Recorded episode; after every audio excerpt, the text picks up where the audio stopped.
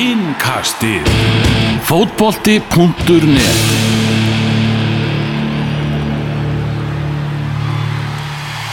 Já, komiði sæl, komiði sæl, það komið að setna innkastin í kvöld, við ætlum að fara að vinda okkur í Evrópu innkastið, Elvaki Magnússon heilsar frá Krókálsi í Reykjavík og í Vestmannum er Daniel Geir Moritz. Og við byrjum alltaf að spyrja þig Daniel, hvernig þú hefur það, því að það er eitthvað sem að, sem að hlustundur hafa mi miklar áhyggjur á, hvort að þér líði ekki vel hérna í eigum.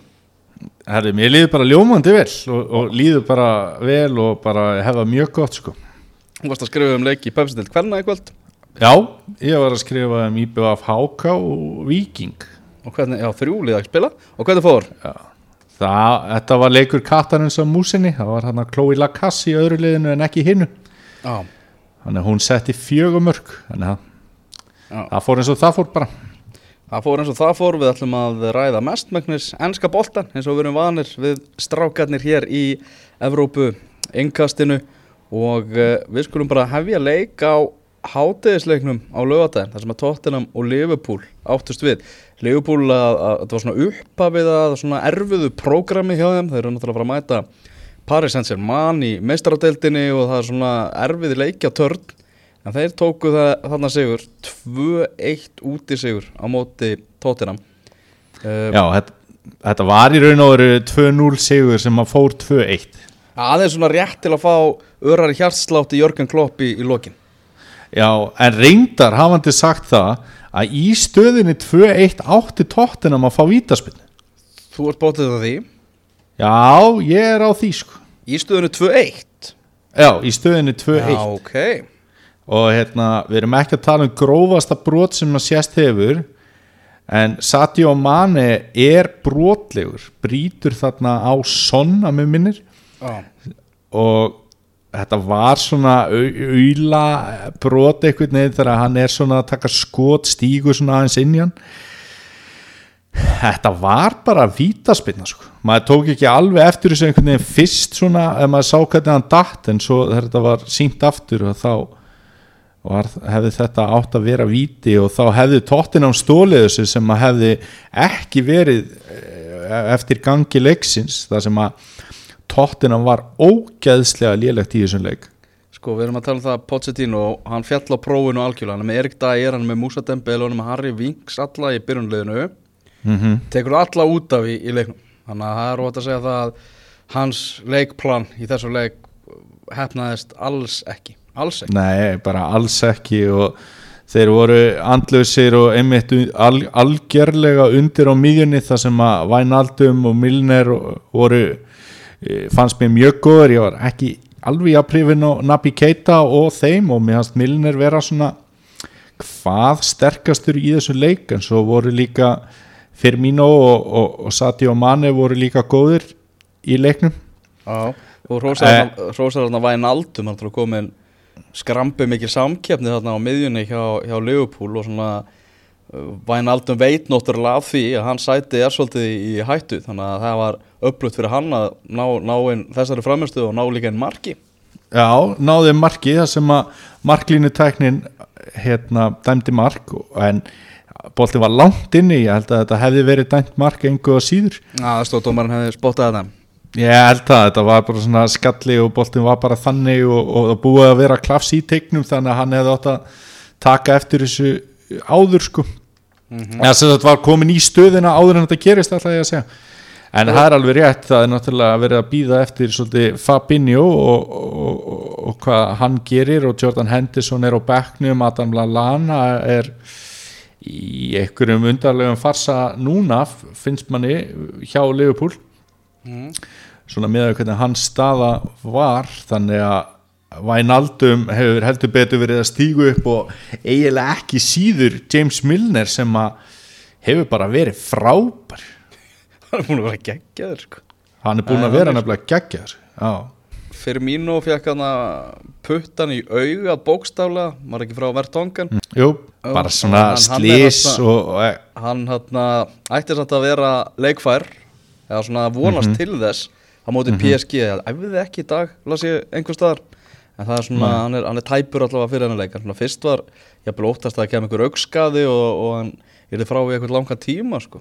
Já, ég held að hann verið pottitt með á móti PSG og, og klári í leika móti Sáðantónum helgina sko.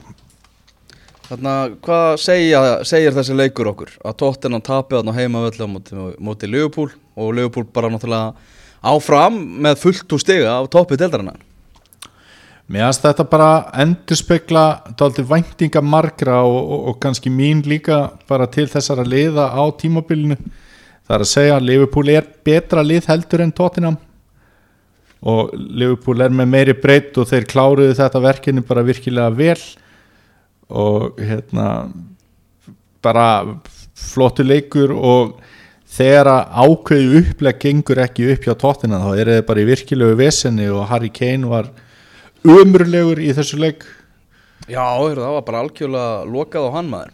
það var bara lokað á hann og, var, og þá var lítið annað að frétta e, stóra máli kannski í byrjunarliði hjá hjá hérna Tottenham, það er kannski tvent það er náttúrulega eins og þú segir með þessa miðjumenn en um, Son er kom inn á í þessu leik og, og hérna hann verður pottit í byrjunarliðinu hjá þeim í næsta leik myndi ég segja.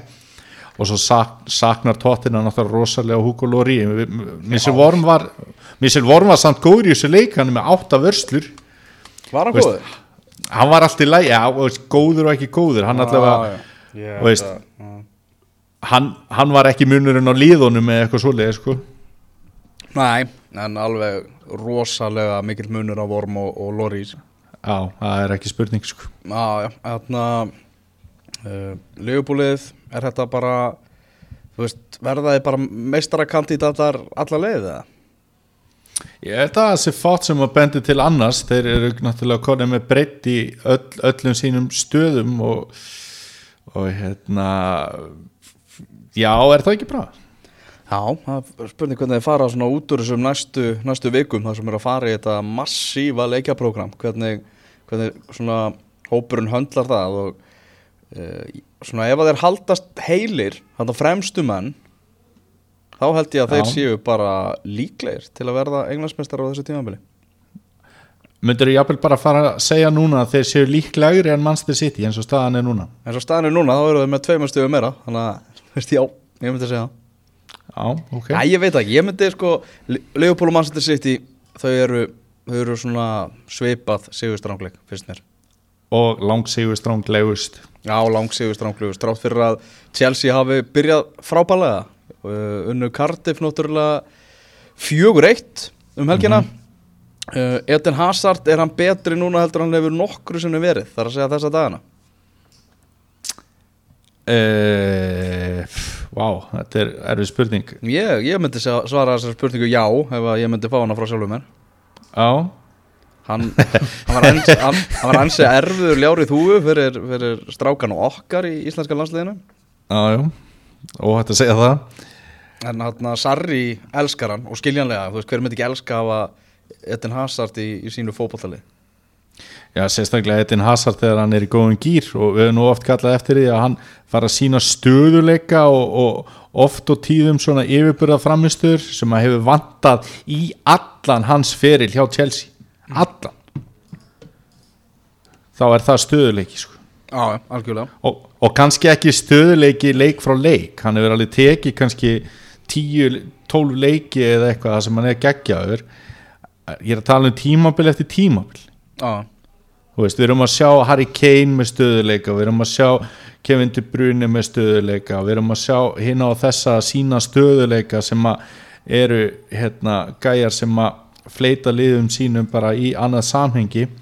Uh, í Chelsea liðinu er það til dæmis Marcos Alonso eða N'Golo Kante eða hvað það er sko. sko ég held að stöðuleiki með Eden Hazard skipt, þú veist, það fer svo rosalega eftir því bara hvernig skapið á honum er. Ef hann er ánægður og glaður og þú veist, þá er hann bara óstöðvandi. En leið og hann er eitthvað svona, er eitthvað, að fara, eitthvað að pyrra hann eða ángran, þá bara dettur spilamennskan hans niður um, um bara mörg level, sko. Heldur þetta sé ekki merkilegu karakter eða? Hazard, Já, ég hef ekki hugmyndu það, sko. Veist, merkilegu karat, það getur alveg verið merkilegu karat eða þrátt fyrir að, að svona, þetta sé svona eitthvað daginn innbyggt í hann, sko já, sem að þú ert samt að lýsa það er þetta svona fílipúka element sko.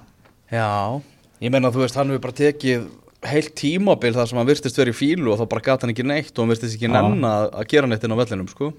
Þannig að, jú, ok, ok, Hazard er fílubúki uh, Þannig að Vornok, hann uh, sagði það að hann var hún ansi þreyttur á, mistökum sinna leikmanna eftir þennan leik sagði að allt í lagi þó menn gera einn mistök og allt það en þegar menn er að gera jafnvel sömu mistökin trekk í trekk þá, þarf nú eitthvað, eitthvað að bræðast við. Þetta er fjögur eitt samt bara endurspeklar getumuninn á milli þessar tvekja liða. Já, ekki spurning en að koma held ég öllum á óvart að, að Cardiff hafi komist yfir í þessu leik. En fjögur eitt en já, já, það er bara algjörlega munin á þessu liðum ef ekki eh, stærri bara ef eitthvað er, sko. Já, nákvæmlega. Manchester City, það var gönguferð í garðinum hjá þeim, þeir eru 3-0 sigur á móti fúlum og sá talandi um með stóra sigra, þá hefði sá, sta- sá sigur geta orðið enn stærri, við erum að tala um það að já, Markus Bettinelli, hann eiginlega bara komið í veg fyrir enn stærra tap fúlham, þetta var voðalega einfalt og auðvelt hjá City í þessu leik og, kannski helsti fréttapunkturinn að Leroy Sané, mm hann skoraði fótboltamark í þessu leik og kom, kom sitt í yfir og Pep Guardiola uh, viðurkendi það eftir leikina. Samband þeirra hefði verið í smá vesinni en hann væri hann vongóður um að það væri að baki og, og, og það væri bara bjartari tímar framöndan hann var ekkit að, að fela það það hefði verið svona smá styrleiki millir þennan Já, það er náttúrulega gríðarlega mikilvægt fyrir Pep Guardiola að vera með Leroy Sané í góðu stöði og samanskapi kannski Rahim Störling líka sem að hefur nú kannski ekki verið jafn mikið fjallað um en hefur lítið svona getað því upphæði móts sem að skora líka í þessu leik. En eins, og, eins og Leroy Sané endaði í síðasta tímabili þá tók hann eiginlega svolítið keplið af Störling, Störling var geggjaður svo minkaði það og þá tók Sané keplið og var geggjaður svona af þessum vangspilurum þó að hérna David Silva og, og, og Aguero hafa nú kannski verið svona sterkustu af þessum fremstu og svo Kevin De Bruyne algjörlega geggjaður þar fyrir aftan. En svo spyr maður sig þegar þeir fara í stærri verkefni mannstu sitt í hvað er þeir eftir að sakna Kevin De Bruyne mikið, hann er ekkert á leiðinni alveg strax. uh, góðu fréttunar fyrir þá kannski er að næstu hvað, næstu tveir leikir eru smá svona grínleikir ef maður lefið sér að orða það þannig. Og, svo, og svo er bara komið í Þeir sjönda eru að fara að oktober mæta Brighton sem unnum Manchester United sko. Já, já, já. En svo 7. oktober þá kemur leikur sem að maður er strax farin að býða eftir. Það er ekki Fulham Arsenal það er Liverpool Manchester City. Það er Liverpool Manchester City 7. oktober Þú er búin að merkja þetta í dagatalið. Á, algjörlega. Þannig að það verður fórunlegt að sjá svona hvernig þau halda dampi eiga bæði eh, held ég að ég sé að fanna með rétt mál eh, nokkuð þægilegt prógram fram að því, nei, Liverpool á Chelsea í leiknum undan, já. Ah, þannig að það jájá, það er bara spennan, spennan framöndan Manchester City eitthvað að falsa áhörndatölur í þessu leika? Herri, hvað er það? Heyrðu, það er hérna frétt sem að þetta var rannsókn sem að BBC ákvaða detti í. Já, aðeins að aðtuga hvort að svona uppgefnar áhorfendatölur í ansku úrvalstildinu væru að standast vegna þess að sko lögreglan í borgunum heldur líka utan um tölur og er að telja fólk að neinn sko. Ok. Og þar kom í ljós að það voru hvað Vestham Master City sem voru hvað, hvað duglegust við að gefa upp eða blása eins upp áhörfendafjöldana á leikjum sínum. Mm og þarna er bara þú veist ég veit að þetta er mjög viðkvæmt hjá stuðningsmönnum Manchester City á Íslandi að tala um þetta til dæmis. En þarna er ég bara að vitna í tölur frá Breska ríkisútvarpinu sko. -hmm. uh, og hann til dæmis var sko meðalfjöldi á heimalegja vestam á síðasta tímabili 42.779 en félagi gefur upp 55.309 það er rosalega mikill munur. Já, líka hjá Manchester City þar sem sko meðalfjöldi áhörvenda er 7482 lægri heldur en félagið gefur upp. Já, og hann tekir upp tekin eitt leikur fyrir, leikur á móti Southampton 53.400 áhörvendur var, var sagt að hefði verið á leikungnum en samkvæmt skrálörgnar í Manchester voru þeir 38.130 Já, og þá hann kannski segja ykkur hef, bara, þetta er bara löggan eitthvað að klikka í skráningunni. En skrá lögreglunar í, í Manchester yfir meðaltalið á Old Trafford hjá Manchester United er 73.575 áhörfundur mhm. Og samkvæmt tölu Manchester United er það 73.575 áhörfundur það er að segja nákvæmlega sama tala mhm. Þannig að þetta er hérna og það eru fleiri félug eins og Chelsea og, og Tottenham hafa einnig verið að, að gefa upp falskar tölur en svona ekki í, jafn íktu mæli sko. Hver er tilgangur með þessu? Þetta er vantalega bara markaða smál meðal annars. Bara að, að, að selja selja leikvangin og selja vörumarkið og, og allt það. Og það sé ekki líka þú veist hjá félagi eins og Vestham sem er að reyna að sína það að uh, þeir voru ekki að gera mistök með því að fara á miklu starri leikvang því að náttúrulega leikvangunum þeirra er mjög umdildur meðal stuðnismanna já þeir eru að yfirgefa uh, Öfton Park gerðu það fyrir nokkrum árum sem að sem að náttúrulega bara uh, er, er til í hjarta allra stuðningsmanna vestam. Svolítið neyðalegt fyrir félagið ef að allt einu bara það er engin að mæta að þú veist bara dræma aðsókn á nýjavöllin og það sé svolítið að segja að þeir hefur bara getað verið þessuna áfram á Öfton Park sko. Það er náttúrulega líka eins og með Manchester City og við vitum hvernig hefur verið talað um Manchester United en það leikús draumana og allt það. Já, já, og svo tala kannski um Manchester City sem leikús einskis. Já, það hafa verið svona fáir mætt á völlin þar þrátt fyrir velgengni og allt svoleið sko já nákvæmlega, veist, það hefur verið Hann- brasi á vestam en Manchester City hefur verið velgengni sko. Já, nákvæmlega. En hérna, og, já, já. og að þeir eru mennur mjög viðkvæmur fyrir þessu empty hat og, og, og því öllu dæmi sko. mm nákvæmlega. Svona, því gríni sem er í gangi í kringum það. Uh, það er ekkert að dæma fúlhamin eitt mikið á þessum leik þannig að við, við geymum umræðu um þá.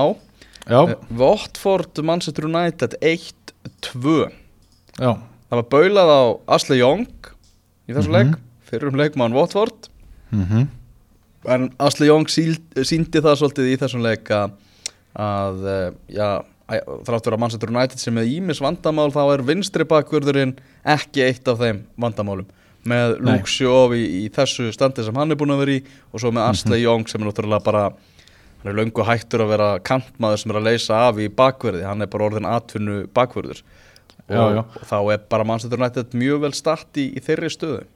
Akkurat, það leggur upp mark í þessu leik og, og verst vel.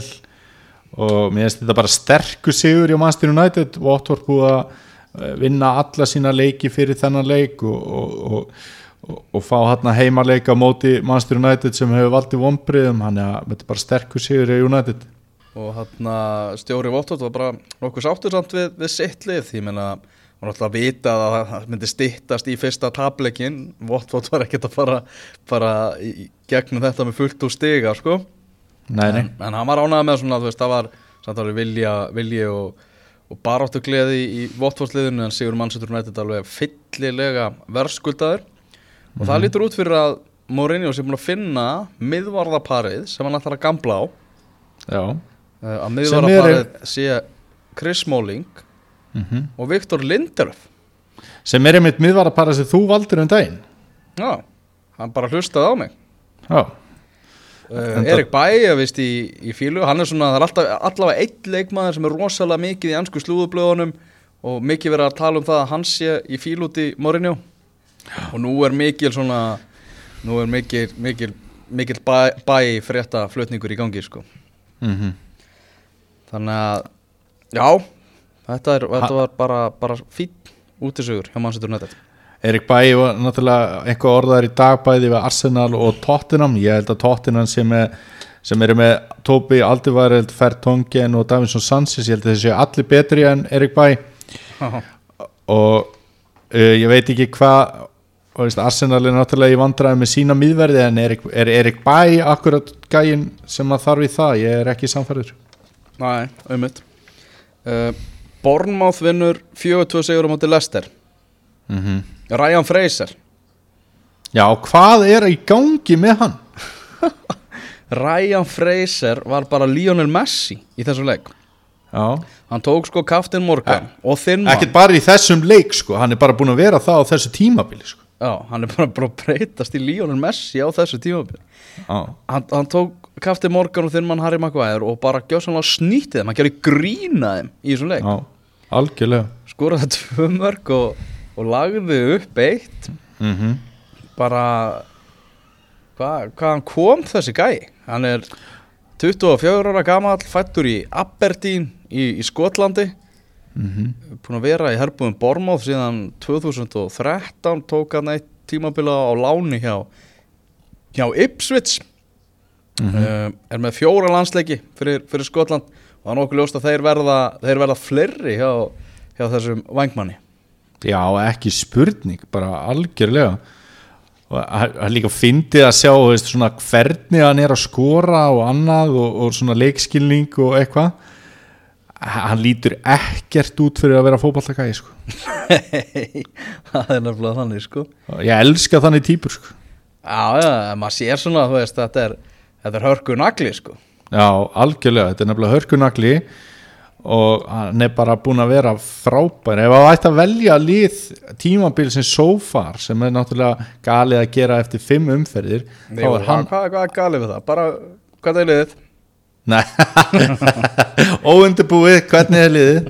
Já, þú ert allavega með okkar besta Ryan Fraser í þessu liði. Já, já, hann allavega gerir klárlega tilkall í það ef hann er bara ekki í því sko, sem er eitthvað sem að engi bjóst við og í raun og veru er bara byrjunin hjá Bornmoth svakalega góð, það eru fimm leikir tíu stygg, markatalan tíu sjö, eru svolítið að lekin mörgum en til dæmis þá fá þeir á sig þessi tvö mörg á móti Lester eh, ég heldur að komi bæði eiginlega í uppbóta tíma eða allavega undir lok leiksins voru búnir að taka þann leik og skeinunum sko Þannig að Eddie Hámar, Eddie Knows Eddie Há. Já. Er hann stjóri umferðarnar? E, Það sem að þessi umferð skrifaðist var svolítið eftir bókinni þá held ég mig alveg segja það því að hann pakkar þessu leik saman sko. Já. en hérna Claude Puel sem, sem að við sögum að þeir eru fyrstu til að vera látin fara Já, með sex stig eftir, eftir fimm umferðir. mm það er undir pari eða yfir pari Það er yfir pari. Það er að neikvaða merkingin við þetta par. Já, já, þannig að hérna e, tókst þetta eitthvað að fljótur að leiðrétta það maður. Já, vel ger. ánægða með það. Þannig að hérna Lester er í vesenni og, og Jamie Vardy fer nú að koma aftur eftir þetta fárlega leikbann sitt. Mm þannig þannig að þeir verða að fara að gera betur ef þeir ætla ekki að sogast niður í eitthvað rugl sko. Ég held að sko þessi fallbaróttu pakki verði, ég held að verði fjölmennur. Og þetta verði svona, það verði stutt á milli í þessu sko. ég held að það sé alveg rétt hjá þér og hérna gæti orðið eitthvað óvænt í gangi þar, við vorum nú búin að fella Cardiff, Huddersfield og Burnley minni mig. Og ég held að Cardiff, Huddersfield og Burnley falli á endanum en svo eru svona lið eins og Leicester og Newcastle. Já, förum í þau, þau hérna á eftir. Sem að getur verið vesinni á já, Everton 1, Vestam 3, það er nú ímislegt að ræða þar. það er ímislegt að ræða þar Uh, byrjum á Gilva Þór Sigurssoni, mhm hann var mættur með fyrirlega bandið hjá Já. uh, Everton. mm Veit ekki hvort hann mætti viðtöl eftir leikin, tókst þetta því? Já? Nei, ég nefndi nú ekki að taka eftir því en hérna ég er náttúrulega bara eins og allir held ég að kalla eftir því að þetta svona viðtalsfyrirlega rugg hjá íslenska landsliðinu endur takið sér ekki hvort sem að karlabolti eða kvennabolti, við viljum gera sömu kröfur upp á þessa hluti. Og, þa og þá er náttúrulega algjörlega galið að, fyrirliði sem að fer fyrir liði og er talsmaður þess mæti ekki viðtöl eftir leiki sama hvað hann heitir. Já, já. og sama, og sama hvernig gekk í leiknum hafandi sagt það þá er náttúrulega rosalega gaman að sjá Gilva vera fyrirlið í ennsku úrastildinni Virkilega gaman. það er virkilega gaman sko. Og líka gaman að sjá hann skora fótboltamörk og, og sjá hann skora með skalla sem gerist ekkit allt og oft en þó alveg þriðja markans með skalla í ennsku úrvarsliðinni.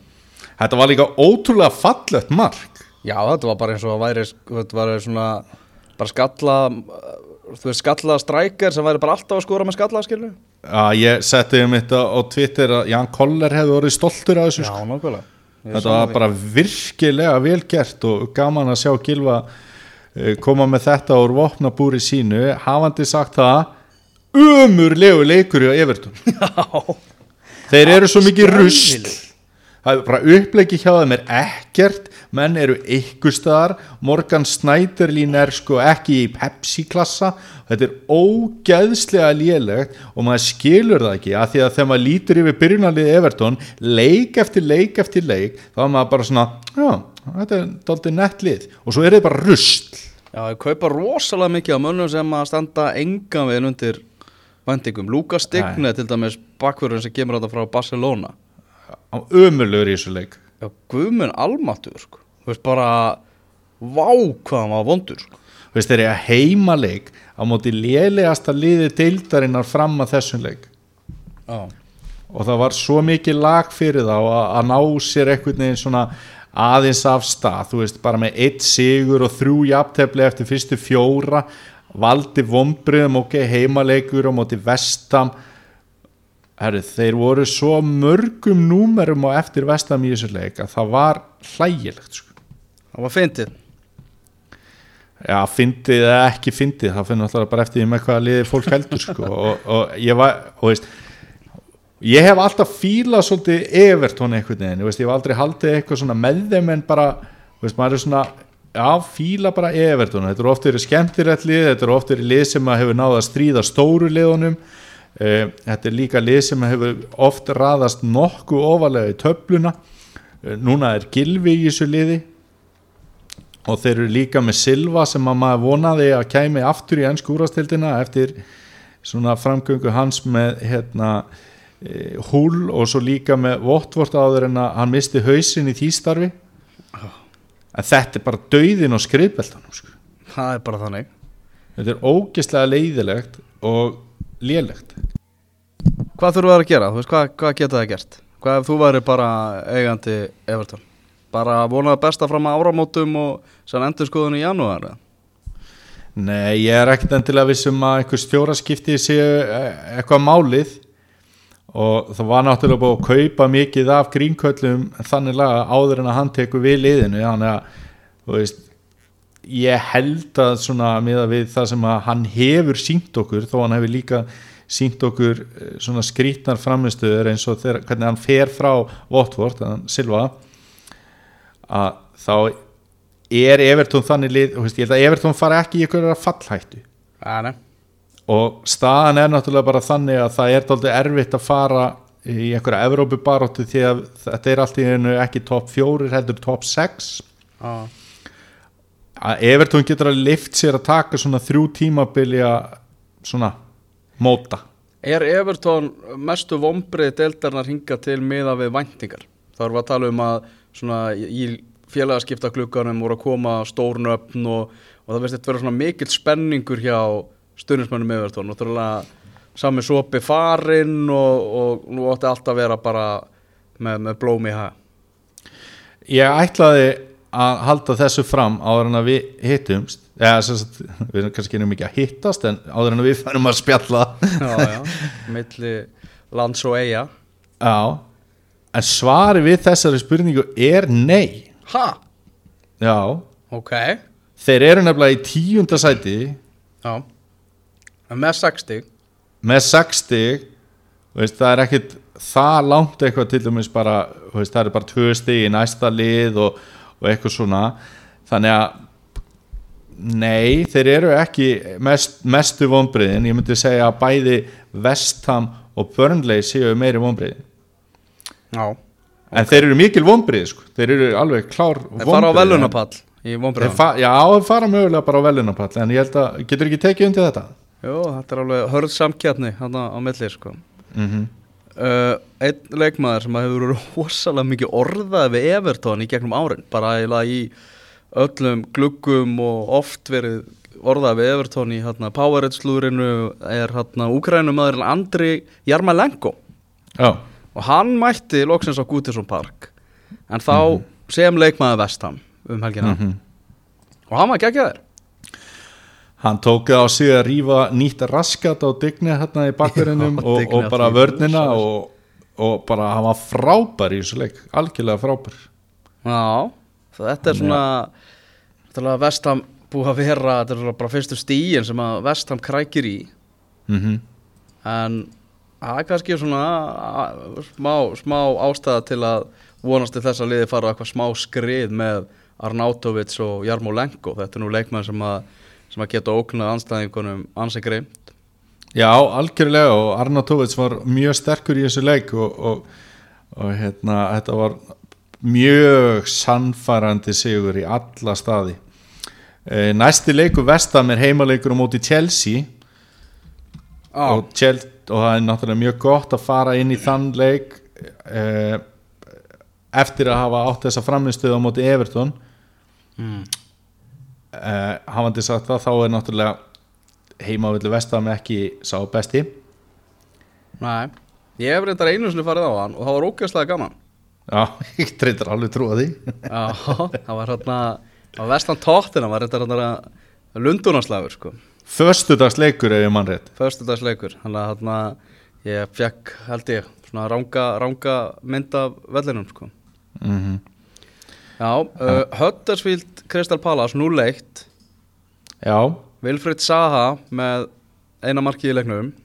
Mm En aðal veist, við vitum að bara segja það margóft, bara Vilfrid Saha í, með Crystal Palace og, og, og svo liðið ánans, það er náttúrulega bara tvent eins og ólíkt og hægt er að finna í deildinni. Já, Uh, en hann nýtti viðtölin sem hann mætti í hana til að detta svolítið á væluvagnin. já, Hann hann sagði það að hann var að fá ósangjarnar meðferð frá dómurunum og það sé enginn að fara að fá spjöld fyrir brot á sér nema hann bara fótbrotni eða eitthvað og, og ég veit ekki hvað og hvað og hann sagði að það var tekið svo grimt á sér og ég veit ekki hvað. Hann er náttúrulega þannig auðvitað, þú veist, all, öll lið sem keppa mútið Kristal Palace leggja upp á áherslu á að stöðva Vilfred Saga. já Alveg klálega. mm uh, einhvern veginn sko að leikmaðurinn sjálfur sé að væli yfir þessu. Mér finnst það svona furðulegt trátt fyrir að ég sé nú alveg algjörlega talsmaður þess að það á náttúrulega að passa upp á leikmennina sem gefa leiknum gildi passa upp á það að anstæðingur sé ekki að sparka það úr leik sko. Já, en hann á ekkert að vera að, að, að tjá sig um þetta sko það er rosalega auðvelt samt að falla í þessa grifju því að maður hefur hort á einmitt leik eftir leik eftir leik þar sem að hann er þrumaði niður og er væntarlega svolítið eins og þú segir upplegg liðana Já, láttu stjóraðinn vera að tala um þetta eða eitthvað. Já, sammála því. Bara, þú veist, verð þú bara að hugsa um þinn leik og, og hann og láttu, láttu mennin í kringu ef frekar vera að tala um þetta. Mm Það er bara það er bara fýtt punktur en, en á móti kemur að hann er rosalega mikið mittur Já, þannig að já, mjög auðvelt fyrir hann einmitt að detta í þessa grífi en með, með þennan leik að þá er eiginlega svona helsta sem að hægt er að segja er að Crystal Palace er ekki gott lið. En munurinn á þeim og lélegustu liðunum er Vilfrid Sá. Er það ekki svolítið þannig? Jú, og Huddersfield er einstaklega óspennandi lið. Já, en það vildi við fá Mario Balotelli í það lið svo við minnumst á það enn og aftur. Wolves vinnur Burnley 1-0 Já, og Sean Dice var svolítið svona hann var, var þungt yfir honum þegar hann rætti við fjölmiðlamenn eftir hennar leik. En það Burnley í neðsta sætti deildarinnar með bara eitt stig eftir að allt var í ljóma og hátna barir skýrður eftir Dice-aranum og eitthvað á síðustu leiktíð.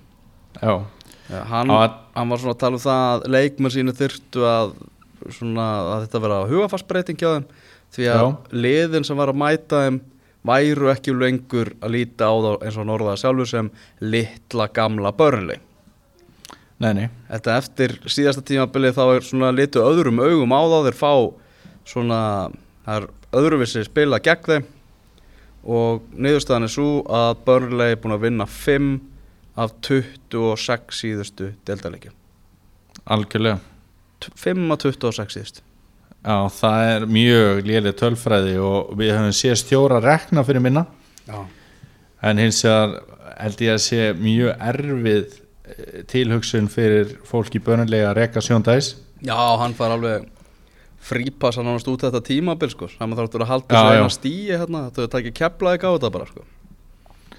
Nei, nei, ég held Nei. ekki og, og, og, og hérna, þetta á eftir að að koma hjá Keflavík og þeir vinna næsta leik. Nei, en, en hérna ég held að börnlega á Bornmoth í næsta leik og þeir getur alveg unnið það þó að hafa verið mikill munur á gengið þeirra liðar og heimavelli börnlega þannig að maður spyr sig. Tvent sem að mér langaði að minnast á uh, úr þessum leik. Mm. Joe Hart var frábær Já, í þessu leik. Ok. Bara, það er bara algjörlega þannig hann tók nokkra risa vöslur og, og, og var bara í svolítinn tíma á leiðinni að bjarga punkti fyrir ömurlegt bönleilið mm það sem að Asli Barnes og, og Sam Vokes byrjuðu frammi og svo fór Sam og, út af og hinn Sam Vokes kom inn á sem heiti Chris Wood. Og það breytti engu. Örnur útgáð Já og það breytti yngu og þetta var svona steingelt og, og, Jói, Jói Berg og Aron Lennon voru einhvern veginn ekki alveg að flúta við sóknumennina og, og Gaman að sjá Jóa Berg samt aftur í slagnum. Já, virkilega gaman og, og hérna, sannfæður um að þegar hann kemst bara í sitt fyrra form að, hann hjálpi þeim með stigasöfnun. Já, en hitt sem ég langaði að minnast, var, að minnast á var frábær fótbolti hjá þessu vúlfslið já ógeðslega flott og skemmtilegt sko. Þeir geta, skora svo miklu fleiri mörg sko. miklu fleiri mörg en líka bara boltinn sko. það, var bara, það var bara eins og væri bannað að taka meir en þrjár snertingar og það var bara þrusa í svæði og hlaupaleiðir og yfirleitt gekk það bara vel sköpuðu stór hættu Þeir eru nefnilega með alveg fullt af skrambi skemmtilegum fótboltafennum já, ekki að Costa og Johnny og Raúl Jiménez og, og, og, og Moutinho og þetta er bara það er fullt að gæjum þarna sko. Og, og, og svo er ég líka með bara veist, stránkæðilegan breyta í hægri bakgrunum sem heitir Doherty sem lagði upp markið og var mjög óheppin og skor ekki sjálfur.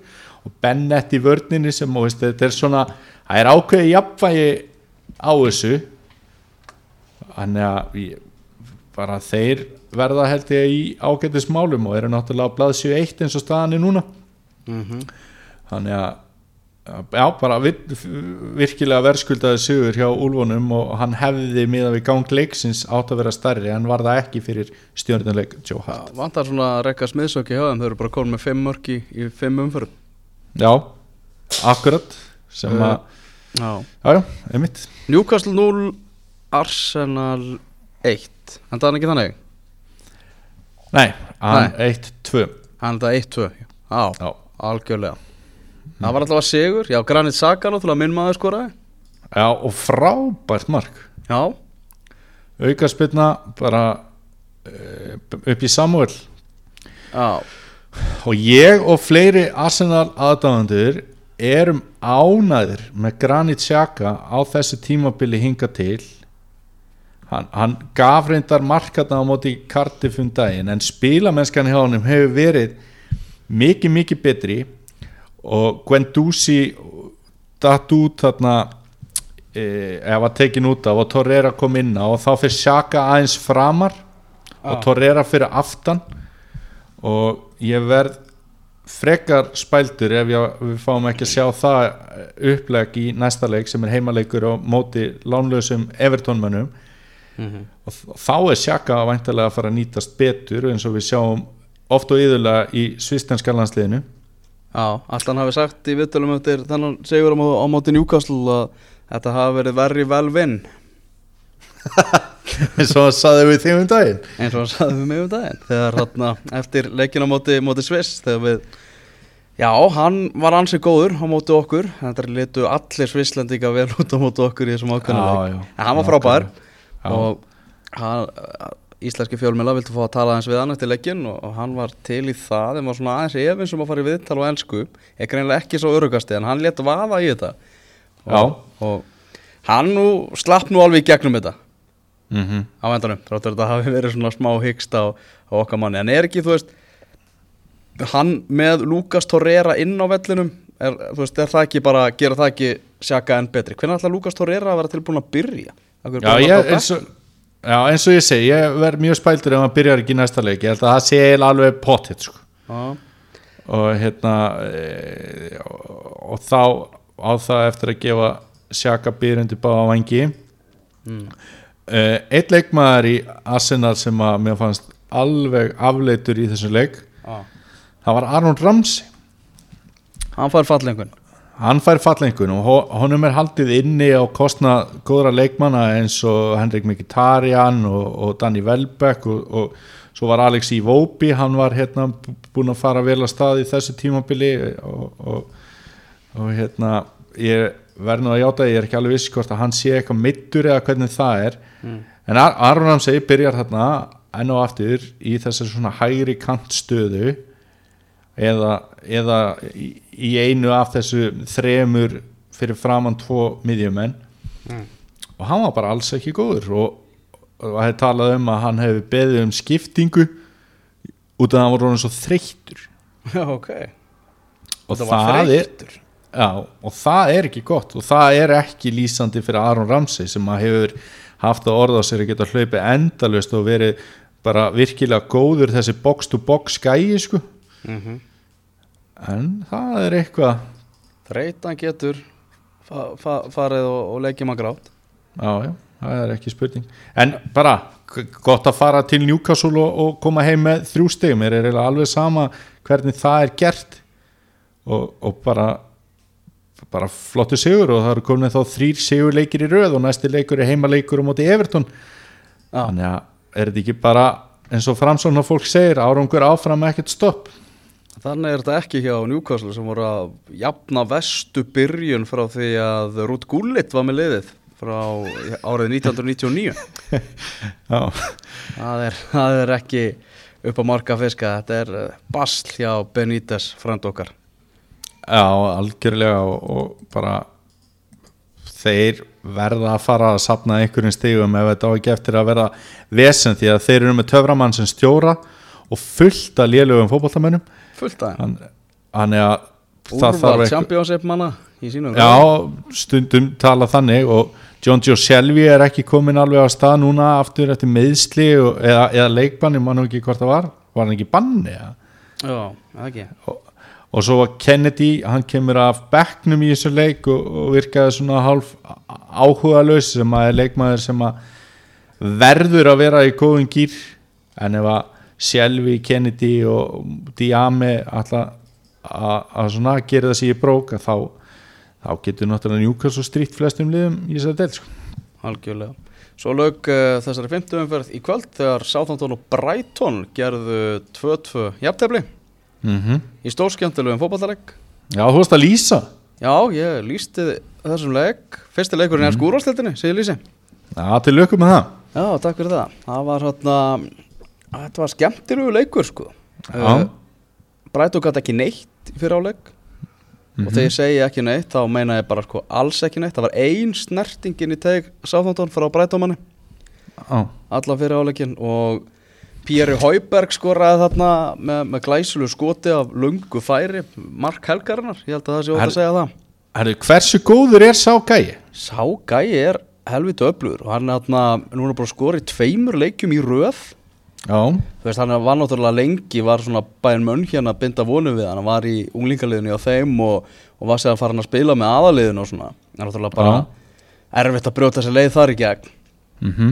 En hann á að skjóta greinilega miklu oftar á marki og líka gaman að því að stundins menn sáðan hann öskuruð alltaf á hann að skjóta hvert einasta sinn sem að fekk boltan eftir þetta mark. Já, sama hvað stuðan var og sama hvar hann var á vellinum.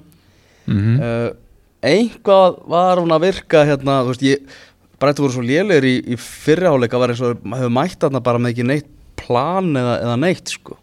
Já, en hérna þetta var allt annað að sjá til þeirra eftir hlýja og, og þeir voru betri í leiknum þegar Sáþónt og fær skyndilega vítaspilnu, Danni Ing skorar en síðan Duffy skorar hérna strax á eftir og svo fengu þeir sko að þetta var freka grimmur dómur þegar, þegar og fekk svona vítaspilnu bara á 90. mínútu Duffy er mitt fiskarvítið Já, hann fiskar vítið, þetta var, þetta var hann bauð þarna vissulega upp á þetta hann Vort Prá sem, að- sem að kom inn á fór Já. hans í baki á uh, hann er svona það er ekki hægt að segja að þetta hafi rángudómur Mæ, en bara miða við bara stígandan hjá Brighton og karakterin sem síndi setnáleik það áttu þið bara skilið að taka stigarna og Mark Hughes var svo stressaður á hliðalínu, hann hefur ekki unni sko tvo leiki röð síðan í janúar 2017 þegar hann var með stók já, og hann náttúrulega vissi það að þeir eru með fimm stig og, og þeir eru að fara að heimsækja Liverpool í næsta leik. Mhm. Hann var algjörlega meðvitaður um það og að það var ekki að fara að koma stig á, á, á næstu dögum sko. Og svo eftir það er sátt hann að fara að heimsækja Wolves í, í lok mánaðarins. En að stórskemtulu Úlfa. En Það er mitt hvernig leikur heldur þetta verði sátt hann Liverpool? Uh, Þetta er á Anfield. Þetta er á anfíld já. Sátt hann og ég held að þetta verði svona 5-0 Liverpool walkover. Þú heldur það? Já. En ég ætla að fara, ég ætla að bjóða þér í sangamisleik fyrst við erum að tala um þennan leik. Förum í samkvæmsleik um, Þetta er gefðu Southampton Liverpool manni engun á skalanum 1-10 á skalanum 1-10, besti skalinn. Mm -hmm. þá er ég búinn að taka saman hérna smá uh, tölfræði og, og, og verð og annað. Mm og uh, sanga þessum tölum þetta er uh, grein sem að byrtist uh, í februar á Liverpool Echo. Ok. Sem að ég uppfærið síðan með tölurnar að Liverpool er búið að kaupa leikmenn frá Southampton fyrir 173 miljónir pund. Já. Það er meira en tveir Ronaldo frá Manchester United til Real Madrid. Mm rosalega mikill peningur. Og þetta eru 1, 2, 3, 4, 5, 6, 7 8 leikmenn. Og eins og staðan er í dag og þá er einhverju sem þú vart að meta í ljósi sögunar já. Hversu góð kaup voru þetta? Og ég ætla að byrja á manni sem að ég myndi ekkert eftir sem að kemur á láni í einn mánuð sem að er bara svona, ég ákvaða að hafa hann samt með það því maður fannst að fyndið. Ok. Það er Paul Jones markmaður hann kom 2005 var náttúrulega vaðal markmaður Þú bara að láta mig fara að gefa honum einhverja einhvern nei, nei, ég skal, ég skal lefa þér að býða með það. En, en hérna, hann kom 2005 á láni í einn mánuð þegar Chris Kirkland og Jerzy Dudek voru báðir í meittir ah, þá er það fyrsti sem þú átt að gefa einhvern Ok, hann kemur 2005 á 7 miljónir punta spilar 88 leiki og skorar í þeim 22 mörg og heitir Peter Krauts og heitir Peter Crouch? Mm og þá er náttúrulega allt tekið með skilur bara svona hvað, í hvað hlutverk hann er giftur og, og, og allt það. Og verð og eitthvað, þú veist bara hvernig, voruð, hvernig var þessum 7 miljónir punta varið? uh, Er þetta ekki bara sjö? Jú, Þetta ekki sammála því? jú ég, ekki minna sko. Nei, nákvæmlega. Ja, jafnvel 7-5 en 7 er eiginlega bara sangjart held ég sko. Já, hann var ekki jólasveitn í Liverpool treyjunni frekar hann annar staðar þar sem hann hefur verið svo sem. Nei, nákvæmlega. Herru, við förum þá nýju ár fram í tíman og það eru þrýr leikmenn sem voru keifti 2014 mm Fyrstur sem ég ætla að nefna er Ricky Lambert, hann var keift- keiftur á fjóra miljónu punta spilaði 25 leiki og skoraði 2 mörg Þetta er, þetta er þristur. Já, Þristur og Rikki Lambert. Sammála því. Næstur er Adam Lallana. Hann er keiftur 2014 sem fyrir segir 25 miljónu punta búin að leika 101 leik og skora 17 mörg og þá er ég að byggja um að meta þetta meða við stöðuna í dag. Þetta er ekki 7-5-8 7-5-8 Já, ok, ég er neðar sko. Úr neðar? Já, mér fundist fjara verulega undan honum. Já, já. Og hversu mikið neðar ertu? í 6 Þú ert í 6 Þannig að við, við erum að enda í svona 6,75 cirka Já, ok, ok. Uh, Dejan Löfren hann er Já, keftir 2014 líka. 20 miljónir punta hefur spilað 104 leiki fyrir Liverpool og skoraði þeim fjögur mörg já, þetta er, þetta er svolítið strempið sko hefur gengið á ímsu Það við gengið á ímsu hjá hann en þá minni ég á samkvæmisleikin eins og staðan er í dag. Já, ég meina Þetta er Hann hefur- 6 6, hann hefur verið meittur Joe Gomez hefur komið inn staðið sér rosalega vel. Hann á ekki fast sæti ef hann kemur aftur eða veist þegar hann kemur aftur almennilega inn í þetta sko. Nei, nei, 6, ég, ekki herra það. Ok. Ég meina, já, þú veist, já Ég meina, hann er kiftur til að vera bara skiluru miðvörðurinn í Liverpool, já, sko. Já. Og hann hefur aldrei náð að vera það. Nei, það var samt mikil eh, mikil breyting á hans leik þegar maður sem ég betur yfir á eftir var keiftur Já. Þú ert að fara með hann herra en þetta? Já, Já, ég, ég Alveg- hendi 6 á þetta, sko ok ég, ætla- ég ætla bara samt að vera nokkuð sammála, ég ætla að segja 6-5 en 6 svolítið tónalegt. Já, ok, ég er með þér, 6-5 Ok, það eru þrýr eftir. Uh, Næstur kom árið setna 2015 og 12 miljónir punta hefur spilað 73 leiki og skorað eitt mark. Það er Nathaniel Klein. Já. Var svolítið eins og sagt er the shit eða aðal maðurinn þegar hann kom þarna og, og, og Liverpool átti allt í hennu góðan hægri bakverð eftir ansi stremna tíma í þeirri stöðu mm hann er ekkert að fara að spila í byrjunarliðinu á þessu tímabili ef að Trent Alexander Arnold verður heill -hmm. en 12 miljónir punta fyrir varnamann sem að er svona solid í hóp þú veist. Það er svolítið stað er alveg svona að skila sínu sko. Hefur alveg svona að skila sínu Ég bjóst síðasta að það tíma. ekkert við meiru frá Nathaniel Klein sko. Ég, ég bjóst jafnvel við meiru sko. Já. En vermiðin, ég, mér myndi að þetta hefði verið meira. Mm. Erum við þá að fara í aðra bara? Hvað, hvað er að fara í aðna? já, þú, þú spyr fyrst, nei svara fyrst sko. Já, ég myndi bara henda Henda 6-5 og þetta líka sko. Ok ég, ég ætla að lækka nýri 6 Já. fyrir mína part fyrir mína parta. 6,25 6 herðu, Já. síðan er það Sadio Mane. Hann er keftið 2016 og 30 miljónu punta hefur spilað 61 leik og skoraði þeim 27 mörg sem eh, kantmaður eða, já, eða svona kantcenter mm. Nýju, Já ok. Ég ætla að fara í 10 Ok. Ég, ef maður pælir í því 30 miljónu punta hvað þessi, hvað þessi gæi hefur gefið þeim. Já, já. Hann, Níu er þetta ekkert vond engun, Daniel. Það er umulegt, nei. Nýja er mjög gott, þannig að við erum kannski hittast á 9,5 frábær kaup.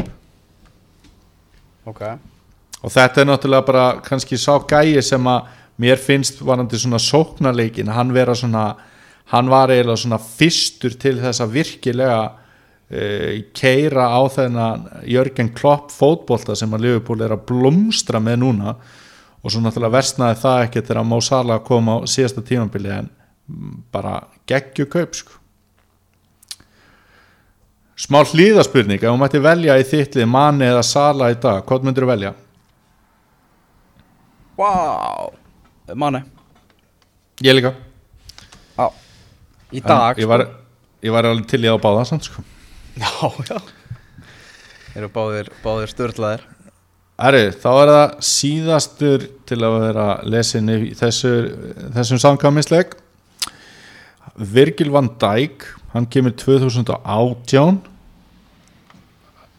Ge- á 75 miljónum punta og hefur leikið 19 leiki fyrir Liverpool. Ég veit að þetta er rosalega upphæð og allt það. Þannig ætla ég að henda tíunni. Ég líka. Þetta er bara tíu, bara þú veist Hann er bara, þú veist, þetta er leikmari sem þið vantaði Þau reyða ógeðslega miklu peningi í hann Og hann hefur bara staðið algjörlega undir því Og bara gjörbreytt varnarleiknum hjá svo liði. Og það er mjög erfitt að benda á Bara betri hafsend í Evrópuboltanum í dag Eins og staðan er. Já, Þannig að tíu, tíu á þetta. Samanlega og ég held líka þó að þetta sé þessu upp að ef að svona ennþá starri klúpur heldur en Liverpool sem að væri þá bara veist, Barcelona eða Real Madrid eða eitthvað skilur au þá þyrfti að fara svolítið vel yfir 75 miljónum punta til þess að fá hann frá Liverpool. Já, hann er, verðmæt, hann er verðmætari en 75 miljónum punta finnst mér það er nefnilega þannig sko. Það er þannig sko. Já, þetta var skemmtilega samkvæmsleikur þannig að þegar öllu er á botninkólt að því að það er búið að grína svolítið með kaup liðubúmanna á sáhantón leikmönnum þá er það þá er, hefur samt svo leið frá hérna, sáhantón til liðubúl alls ekki verið galinn fyrir liðubúl Það er nefnilega algjörlega niðurstaðan í þessu það er nefnilega niðurstaðan í þessu. Herðu áður en við segjum þessu yngast til loki þá skulum við dreipa á, ymsu Kristján Ronaldo skoraði sín fyrstu mörk fyrir Juventus náður loksins að brjóta í sen skoraði bæði mörkin í 2-1 sigur á móti Sassuolo mm -hmm. en það var eiginlega Douglas Costa sem að rendi fyrirsögnum að því að rækja á anstæðing já, og það er nokkuð ljóst að hann er að fara í lampan fyrir það en það bara, það er bara viðbjóður. Þú bara gerir það ekki sko. Hvað myndir þú gefa bara þú ert einn að velja lengd á leikbanni hvað gefur um marga leiki í banna á þetta? Fyrir þetta, mm. ég myndi bara henda tíu á þetta. Já, ok, Já. bara tíu? Já, tíu á þetta. Ok, Eh, En þú? fimm? Já, ég bara, veist, bara hætti þessu Þú á ekki að hrækja á anstæðing sko. Þetta er bara viðbjóðan, þetta fimm nú, nú bara snýið tilbaka sko. Fimm er ekkert lélægt alveg sko. Já, þarna eh, Napoli er þremur stöðum eftir Juventus og kannski eina liði sem hægt er að binda vonu við að geti veitt, á, veitt um einhverja samkeppnum Ítalíu meistaratitilinn á þessu tímabili. Samt ekki. Binda smáinu við mm, ég, ég ætla ekki að gera okay. Þarna meistaratöld Evrópu er að hefjast. Já, heldur betur maður. Og það er búið að breyta fyrirkomulaginu meistaratöldinni mm. og nú eru komnir tveir leiktímar á kvöldin. Sem að við fögnum bara, eða það ekki? Jú, þannig að sko þú getur hort á uh, klukkan sko 5 á morgun Inter Tottenham. Og svo Liverpool PSG klukkan 7 já, eða hort á Barcelona PSV og síðan Klubb Brugge Dortmund. Klukkan 7 ég vil það freka og þarna reysa leikur Liverpool PSG uh, Manchester United er að fara að heimsækja Young Boys, Manchester City er að fara að keppa á móti Lyon Real Madrid er að fara að keppa á móti Roma Valencia, Juventus svo, svo eitthvað sé, sé nefnt í þessu og svo Evrópudeildin á fimmtudaginn. Og það er ég að fara, ég er að fara í frí núna til Ungverjalands og ætla að kíkja á leik Viti og Bati Borisov í Evrópudeildina á fimmtudaginn, það verður spennandi leikur. Ætlar að fá þið treyju? Ég ætlum að fá með treyju. Við ætlum að fara, við ætlum að taka sko við félagarnir sem erum að fara þarna ætlum að taka þetta alla leið. Bara að vera mættir á stuðningsmanna púpin í hátteginu og andlitsmáling og allur pakkin sko. Eh, Varðandi meistarateldina Já Ég held að þetta verði, þú veist, meistarateldina síðast ógeðslega skemmtileg. Mm Ég held að hún verði, ég hef bara enn skemmtilegri núna. Uh, Það eru miklu fleiri kandidatar heldur en einhvern veginn oft áður í að vinna þessa deild. Mér er svolítið maður geta bara dreigið sína spá upp á hatti. Það er nefnilega svolítið þannig sko. Veist, það er svona veist, það eru, ég myndi telja bara reynilega litla líkur á því að Real Madrid sé að fara að taka þetta enn einu sinni. Já, með því bara að segja sér þessi fæsla Ronaldo yfir til Juventus og, og eitthvað þannig. Það er svona, nýr þjálfari. Þetta getur verið ógeðslega opin barátta allt fram í úslita leikin sko. Algjörlega. Ég er mjög spenntur fyrir þessu. Daniel, ég ætla að fara að pakka. Hljóma vel. Ég, ég þarf nú eiginlega bara að fara að pakka líka. Ég, ég er í vinnu á morgun Svo bara fæðingar orlof fram í november Hvað farðu eiginlega mörg fæðingar, Ólaf? Erðu, Þetta er fjórða Þetta er fjórða fæðingar, Ólaf fyrir, fyrir eitt bann Já, en ándjók sko, þá hef ég bara skipt þessu, tekið alltaf svona stutt og nú er ég að klára sex vikur og ég og Möffa og Leifa, við ætlum að fara austur og eitthvað svona. Já Þannig að næsta yngast þá er ég kannski bara í Neskupstað og þú í hérna... Ungverjalandi? hérna- Já, Já, það getur, verið gaman Herðu, takk fyrir samveruna í, í kvöld, Daniel sumulegs.